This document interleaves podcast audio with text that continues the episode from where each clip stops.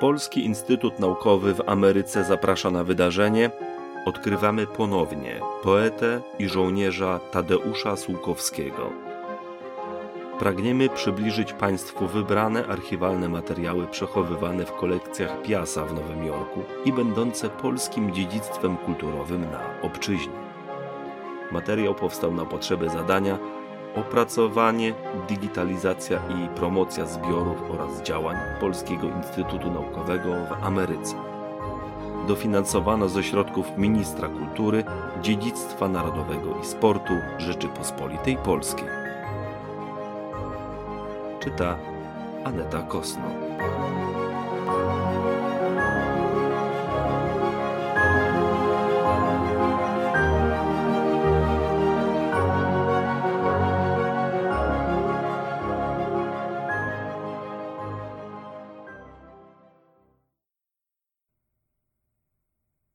Dwunasty czerwca 1947 Drogi panie Tadeuszu, dziękuję za list i za papierosy. Odpisuję dopiero teraz, gdyż jakiś czas nie było mnie w Warszawie. Bardzo piękny i wzruszający jest pana opis z czterdziestego roku o tym poranionym lotniku grającym na organkach. Podobniśmy wszyscy do niego. Cały zresztą pokiereszowany świat gra tak na tych organkach. Niech pan pozdrowi ode mnie serdecznie kogokolwiek pan spotka z moich znajomych. Dziękuję za pamięć o moich dzieciach. Jurek jest prawdziwą pociechą moją. Piękny, dobry jak anioł, dzielny i inteligentny. Mógłby być chlubą najbardziej wymagających matek, prócz własnej, której wartości syna są do niczego niepotrzebne. Ela jest mniej interesująca, ale da sobie radę w życiu, bo jest przystojna, śmiała, sprytna i wygadana.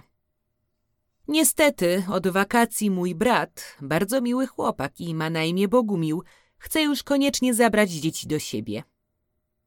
Nie sprzeciwiam się temu, bo rozumiem tę rodzicielską ambicję i potrzebę serca, która jest wzajemna, bo i Jurek jest w ojcu zakochany.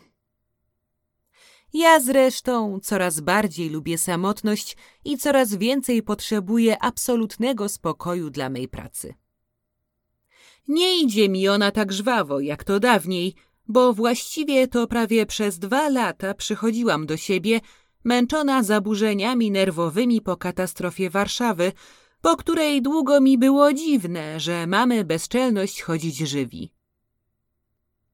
W sprawie konradowskiego pojęcia wierności polemizowałam z Janem Kottem w długim artykule drukowanym w niezależnym dwutygodniku Warszawa. Czy pan się z tym czasopismem za granicą nie spotkał? Było w nim i parę innych moich rzeczy. Może dostanę te stare numery, to panu wyślę. Niech pan mi nic nie przysyła, boć sami chyba teraz jesteście w ciężkim położeniu. Papierosów mi teraz nawet nie wolno palić, choć palę wciąż nieszczęsna, ale staram się ograniczać do minimum. Mamy wysokie ciśnienie nerwowego podobno pochodzenia.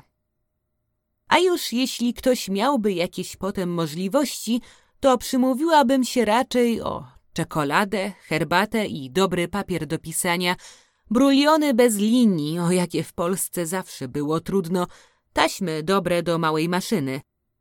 Ale to są pewno już pragnienia z bajki o nienasyconej rybaczce. W gruncie rzeczy mogę się obejść tem, co tu można kupić. Życie nas nie pieściło i po latach wojny wszystko, materialnie, wydaje się luksusem.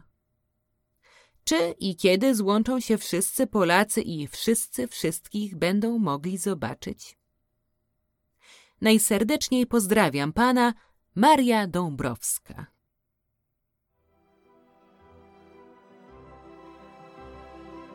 This recording was created for the project, development, digitization, and promotion of the collections and activities of the Polish Institute of Arts and Sciences of America.